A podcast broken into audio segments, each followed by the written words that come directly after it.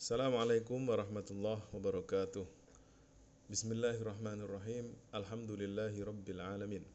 Salatu wassalamu ala sayyidina Muhammadin wa ala alihi wa ashabihi wa man tabi'a hudahu wa nahjahu ila yaumiddin Rabbana syrah lana sudurana wa yassir lana umurana wahlul uqdatan min lisanina yafqahu qawlana. Amma ba'd. Teman-teman sekalian yang senantiasa dirahmati oleh Allah Alhamdulillah pada kesempatan yang baik dan penuh berkah ini kita kembali dipertemukan dalam keadaan sehat tidak kekurangan suatu apa pun dan insya Allah masih diberikan kekuatan oleh Allah Subhanahu wa taala untuk menjalankan ibadah puasa di bulan Ramadan. Teman-teman sekalian yang senantiasa dirahmati oleh Allah, pada kesempatan kali ini kita akan membahas, kita akan membaca sebuah hadis yang diriwayatkan oleh dua orang perempuan istimewa. Yang pertama adalah Sayyidah Aisyah radhiyallahu anha dan yang kedua adalah Ummu Salamah. Dua perempuan ini tadi saya katakan sebagai perempuan yang luar biasa karena dari beliaulah dari istri-istri Nabi inilah kita banyak sekali e, mendapatkan ilmu, mendapatkan pengetahuan tentang hal-hal yang bersifat private, hal-hal yang bersifat uh, pribadi dan mungkin hanya diketahui oleh keluarga inti Rasulullah Shallallahu Alaihi Wasallam. Karenanya pada kesempatan kali ini kita akan membahas sebuah hadis yang oleh beberapa ulama diberi tema sihatus saumiman asbaha junuban atau keabsahan puasa orang yang terbangun ataupun orang yang ketika pagi hari dalam keadaan junub atau sedang berhadas besar.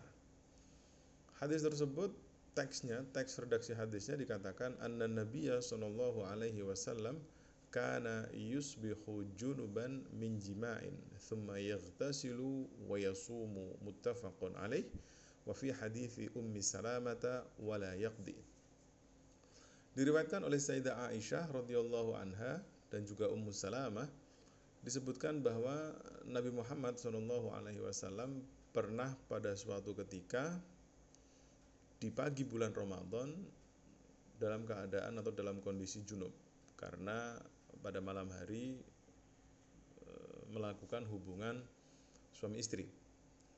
Kemudian apa yang dilakukan oleh Rasulullah?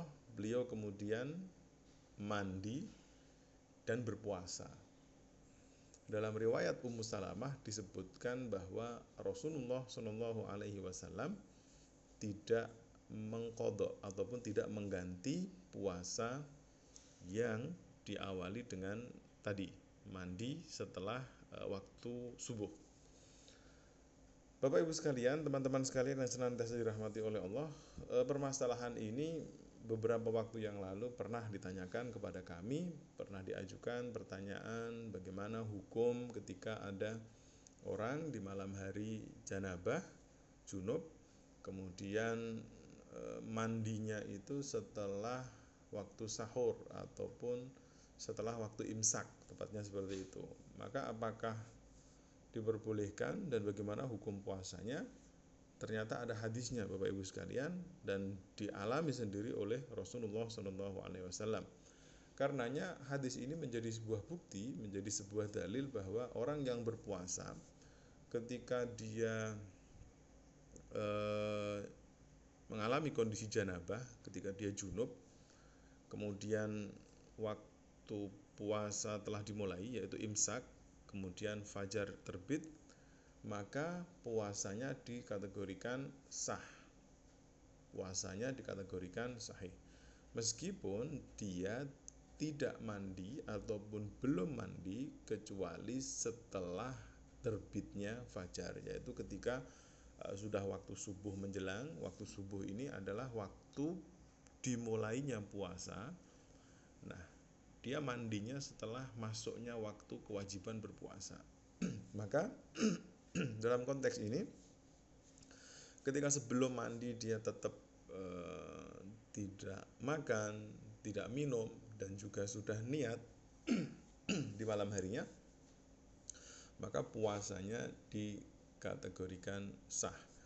Nah, sejatinya ini tidak hanya berlaku bagi e, pasangan suami istri saja. Jadi seumpama e, di antara anak kita ada yang mengalami ihtilam ataupun mimpi basah dalam bahasa yang lebih mudah dipahami, maka pun juga sama kasusnya demikian. Ketika dia mandi setelah e, azan subuh atau setelah imsak, maka dia juga dikategorikan puasanya sebagai puasa yang sah. Nah, di sini eh, apa namanya? Hadis ini menjadi bukti bahwa tidak ada keharusan, tidak ada keharusan bagi orang yang ber atau orang yang sedang janabah untuk mensegerakan mandinya. Ternyata dalam konteks ini Rasulullah pun juga mengakhirkan mandi janabah sampai dengan terbitnya waktu fajar. Nah, lalu bagaimana konteksnya? Itu tadi terkait dengan masalah janabah, kemudian e, mimpi basah. Ya. Lalu bagaimana konteksnya ketika ada orang yang menstruasi ataupun orang yang sedang mengalami nifas? Nah, orang yang sedang menstruasi dan mengalami nifas ini kita semua sepakat bahwa dia tidak eh, wajib bahkan tidak boleh untuk melakukan ibadah puasa Ramadan. Tapi sekarang ada permasalahan, bagaimana ketika konteksnya ketika terjadi kasus darahnya berhenti, darahnya berhenti sebelum terbitnya fajar atau sebelum imsak.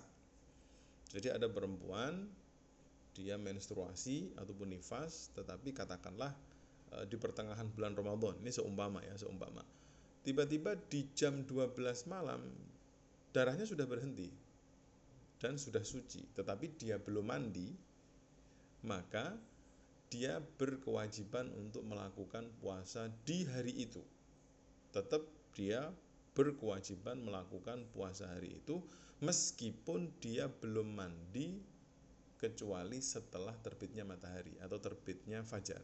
Jadi seumpama ada perempuan suci, darahnya berhenti jam satu malam. Maka apa yang harus dia lakukan? Dia ikut sahur bersama-sama dengan keluarganya. Kemudian setelah itu imsak, dia kemudian mandi, menjalankan sholat subuh dan seterusnya. Dan dia hari itu tetap melakukan puasa.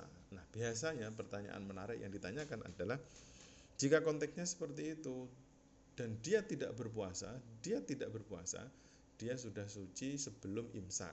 Tapi dia tidak berpuasa, maka dia berkewajiban untuk mengganti puasa hari tersebut. Kenapa?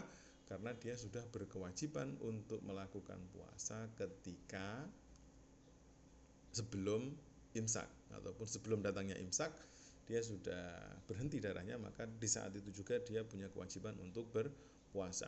Oke, sekarang ada kasus lagi. Kasus berikutnya adalah seumpama ada orang yang sedang berpuasa. Di siang hari terjadi kondisi di mana dia mengalami mimpi basah. Lalu apa yang harus dia lakukan? Apakah puasanya batal? Tidak. Puasanya tidak batal tetapi kemudian dia mandi dan meneruskan puasanya, melakukan sholat dan seterusnya. Kenapa tidak batal? Karena dia tidak mampu mengontrol peristiwa yang terjadi padanya. Dalam surat Al-Baqarah ayat 286 Allah berfirman la yukallifullahu nafsan illa wus'aha. Allah tidak membebani seorang hamba di atas kemampuannya atau sesuai dengan kemampuannya dan itu di luar kontrol kita karenanya puasanya dihukumi sah dan langsung saja mandi agar bisa e, melakukan sholat dan puasanya tidak batal dan tidak perlu mengganti. Ini adalah terkait dengan puasa orang yang di pagi hari atau ketika waktu fajar menjelang atau ketika setelah imsak biasanya kita menyebutnya seperti itu Bagaimana hukumnya e, mandi janabah setelah imsak? Boleh atau tidak? Apakah puasanya batal atau tidak?